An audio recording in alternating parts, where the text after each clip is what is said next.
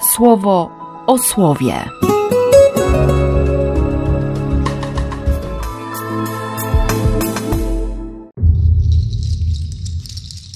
Dwunasty maja, czwartek.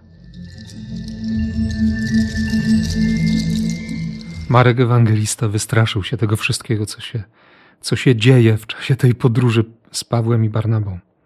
Porzucił ich, wrócił do Jerozolimy. Bywa tak, że się człowiek po prostu zwyczajnie wystraszy. Mierzyć siły na zamiary, tak? Chodzi mi dzisiaj myśl po głowie, że, że dosłownie za moment będziemy mieli dwóch nowych diakonów w diecezji i, jakby z automatu albo idąc za ciosem, a właściwie za treścią, za natchnieniem tego, tego dzisiejszego czytania, za natchnieniem słowa, zadaję sobie pytanie, czy, czy oni wiedzą, co robią.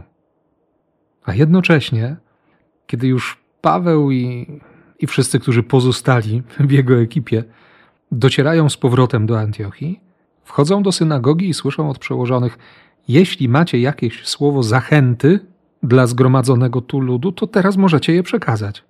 I Paweł zaczyna mówić. Przypomina historię znaków, historię cudów, historię zaangażowania Boga. Bóg podniósł nasz lud, wybrał naszych przodków do szczególnej misji. Cierpliwie znosił ich zachowanie, gdy wędrowali przez pustynię. Wyznaczał sędziów. Dał im Saula, dał im Saula, ustanowił królem Dawida. I w końcu, zgodnie ze swą obietnicą, wzbudził Izraelowi Zbawiciela, Jezusa. Ważne jest, żeby, żeby sobie przypomnieć, że, że naprawdę ma się konkretną przeszłość, że Bóg w tej mojej przeszłości działał, że On nie wziął się znikąd i nie żąda teraz ode mnie, tak jak było na przykład w przypadku Abrahama, nie żąda ode mnie nie wiadomo czego. Pojawia się ni z gruszki, ni z pietruszki i. Nie. Nie. To jest Bóg, który który działał w mojej historii, działał w historii moich rodziców, moich dziadków, tego narodu. Nie tylko działał, działa, jest.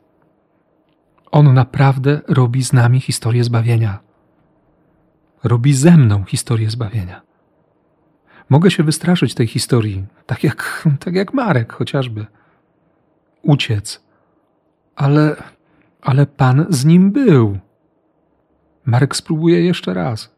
Wtedy, wtedy Barnaba z Pawłem już się pokłócą. Ich drogi się rozejdą. Właśnie z powodu tego człowieka, który potem będzie nazywany najbardziej konkretnym ewangelistą. No ale to nic, bo Bóg naprawdę znajdzie wyjście z każdej sytuacji. I o tym mówi Jezus. Dzisiaj już fragment pochodzący z ostatniej wieczerzy. Umył im nogi Wy podobnie macie wzajemnie dbać o siebie. Niewolnik nie powinien oczekiwać lepszego traktowania niż otrzymuje jego pan. Dopiero wówczas, gdy w pełni to zrozumiecie, znajdziecie szczęście w mojej służbie.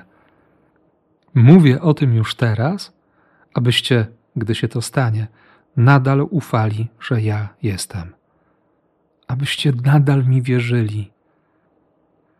Chcę wierzyć, chcę ufać bo ciało nie może być gdzieś indziej niż głowa, bo łaska naprawdę czyni cuda. I to łaska nas niesie, a nie my łaskę. Więc proszę Ci dzisiaj o modlitwę za Adriana i Mateusza, tych naszych nowych diakonów, i jednocześnie życzę Ci tego niesienia przez łaskę.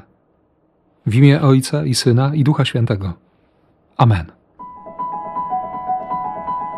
Słowo o słowie.